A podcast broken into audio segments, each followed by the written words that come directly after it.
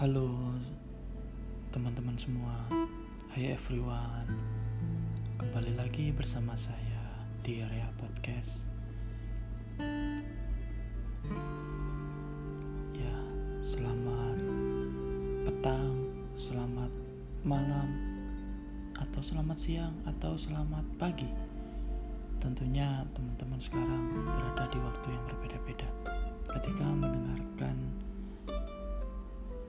podcast singkat yang mungkin bisa menemani teman-teman saat beraktivitas atau saat beristirahat.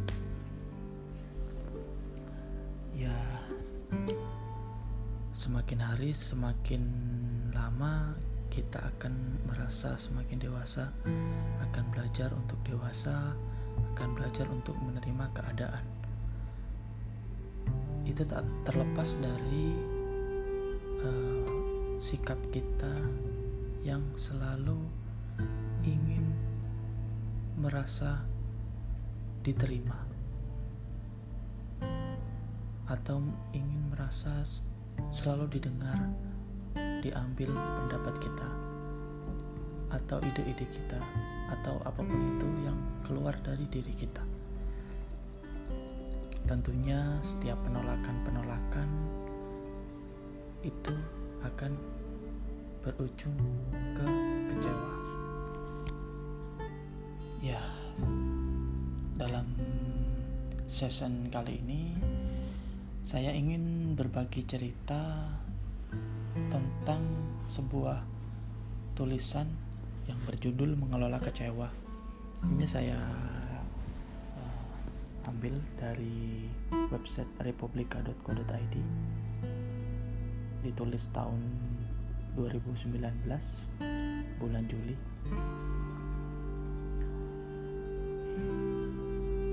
Ya tentunya teman-teman pernah kecewa ya? Atau dikecewakan? Atau membuat kecewa orang lain? Jika jawabannya pernah tentu teman-teman harus memejamkan mata sejenak, lalu tarik nafas panjang-panjang, dan ucapkan istighfar atau ucapkan permohonan maaf tiga kali. Itu mungkin menjadi solusi bagi teman-teman, bagi kita semua apabila kita merasa dikecewakan atau kecewa. Ya memang kecewa adalah ungkapan rasa akibat harapan dan hasil yang tidak sama. Akibat uh, keinginan yang tidak terpenuhi. Singkatnya seperti itu. Jika Anda pernah kecewa pada seseorang, beralih beralih ke hal yang lebih baik berarti Anda terlalu berharap pada orang itu. Sementara hasilnya tidak seperti yang Anda harapkan. Itu mungkin sepenggal uh, ungkapkan kecewa, ungkapan kecewa jika Anda pernah kecewa pada ta pada atasan di kantor,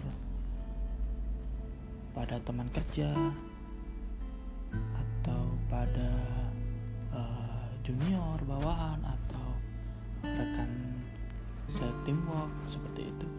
Berarti anda terlalu berharap pihak-pihak tadi itu bisa mengabulkan keinginan anda. Ya keinginan teman-teman tentunya.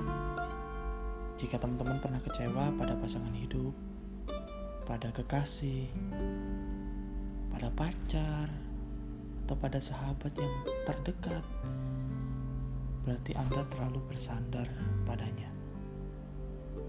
Sementara pasangan Anda bersikap sebaliknya, atau teman Anda bersikap sebaliknya.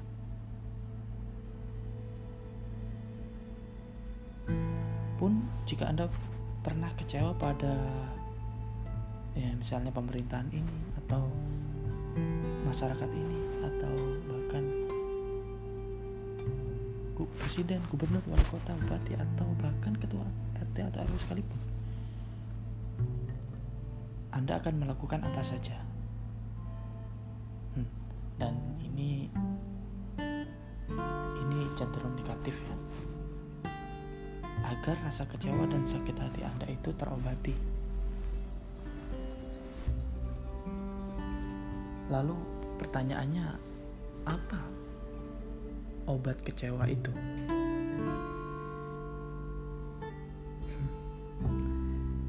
Ya, kecewa bagi saya tidak ada obatnya. Yang bisa dilakukan itu adalah mengelola atau memanage rasa kecewa tersebut menjadi hal yang positif.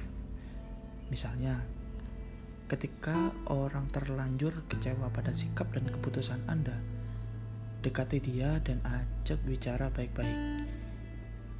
Ajak komunikasi dengan jelas apa yang membuat ia kecewa.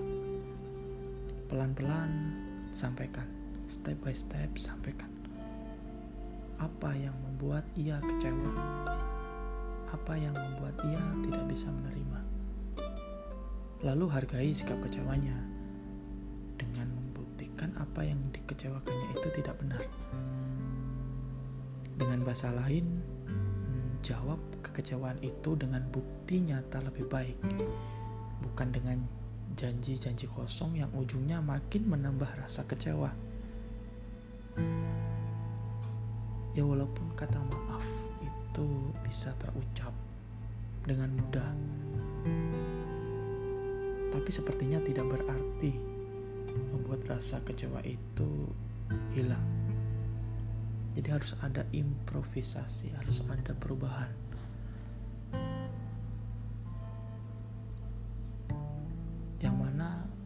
Menjadi lebih baik dibuktikan dengan hasil yang lebih baik. Bahkan ada ungkapan yang sering kita dengar atau bahkan pernah kita dengar uh, memaafkan iya, tapi melupakannya tidak.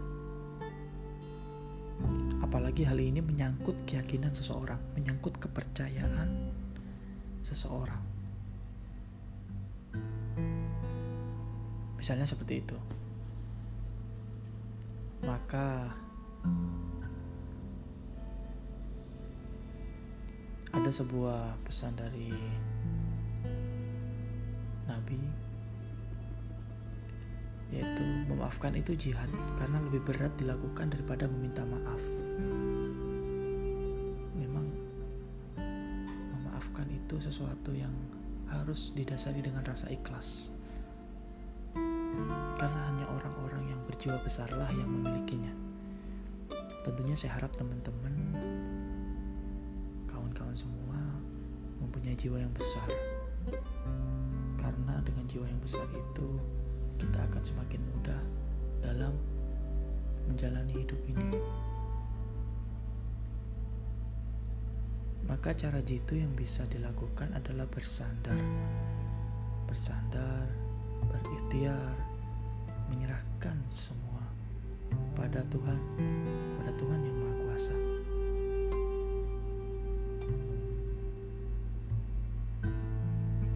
bukan pada manusia, baik itu atasan, teman, atau pasangan hidup Anda sekalipun. Lantas, eh, bagaimana jika sudah terlanjur kecewa? Aku sudah kecewa padanya. Aku sudah tidak menginginkannya. Kepercayaanku sudah hilang. Bagaimana jika itu sudah terjadi? Ya, solusinya manage kembali lagi manage atau kelola rasa kecewa itu dengan pertama-tama meminta maaf padanya aku minta maaf telah seperti ini seperti ini seperti ini aku seperti ini karena ini ini terjadi karena ini jadi seperti itu kemudian buktikan dengan tindakan yang nyata bahwa Anda memang seperti yang ia harapkan bahwa teman-teman seperti yang ia inginkan. Dekati harapannya, kelola emosinya, sehingga kecewa itu akan berangsur pulih dengan senyum kelegaan.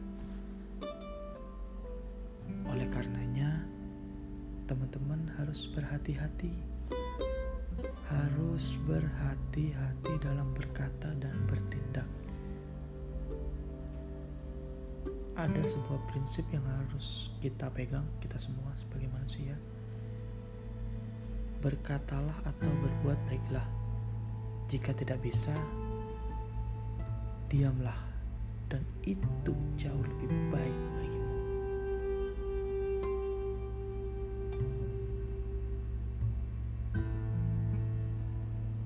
Selain dengan cara komunikasi dan bukti seperti di atas, yang paling bisa dilakukan dan menjadi penolong orang-orang yang kecewa adalah dengan bersabar. Yang tentunya kita tahu bahwa semua agama, semua kepercayaan,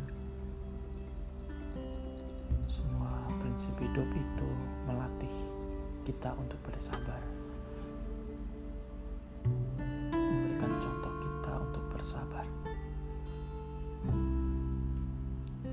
Jika kita mengungkapkan rasa kecewa dengan marah, itu adalah sikap anak kecil. Bagi kita yang sudah berdewasa, sudah beranjak dewasa, tidaklah pantas untuk melakukannya.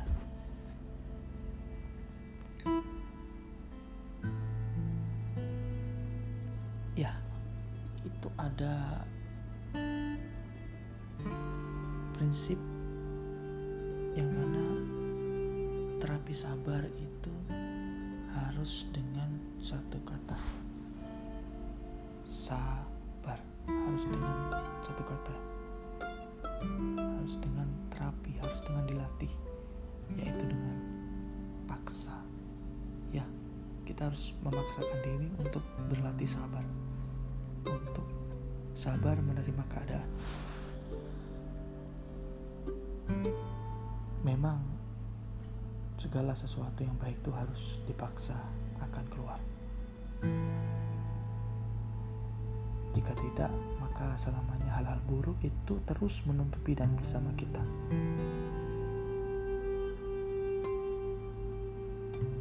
Jadi, kunci dari mengelola kecewa itu adalah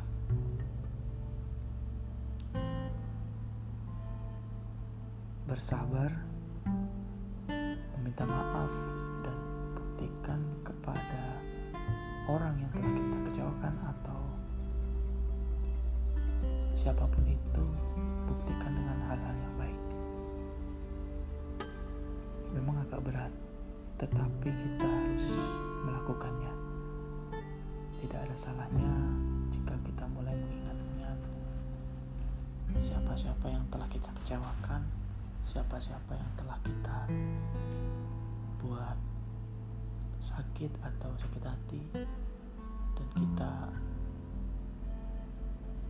introspeksi diri dan jika perlu kita minta maaf. Tapi itu kembali ke prinsip teman-teman sendiri. Seperti apa yang akan teman-teman pegang. Ya seperti itulah kecewa memang susah tapi alangkah baiknya kita sudah saatnya melatih diri. Jadi tetap sabar tetap semangat dan jangan patah semangat. Lebih baik kita berdiam diri daripada kita harus membuat kecewa itu menjadi hal-hal negatif.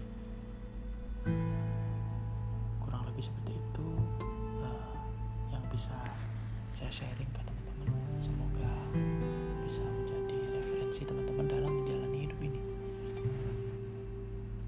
Jika ada salah atau kurang benar saya mohon maaf. Selamat malam, selamat siang, selamat sore, atau selamat apa pun saatnya teman-teman dengar podcast ini. Dan bye-bye.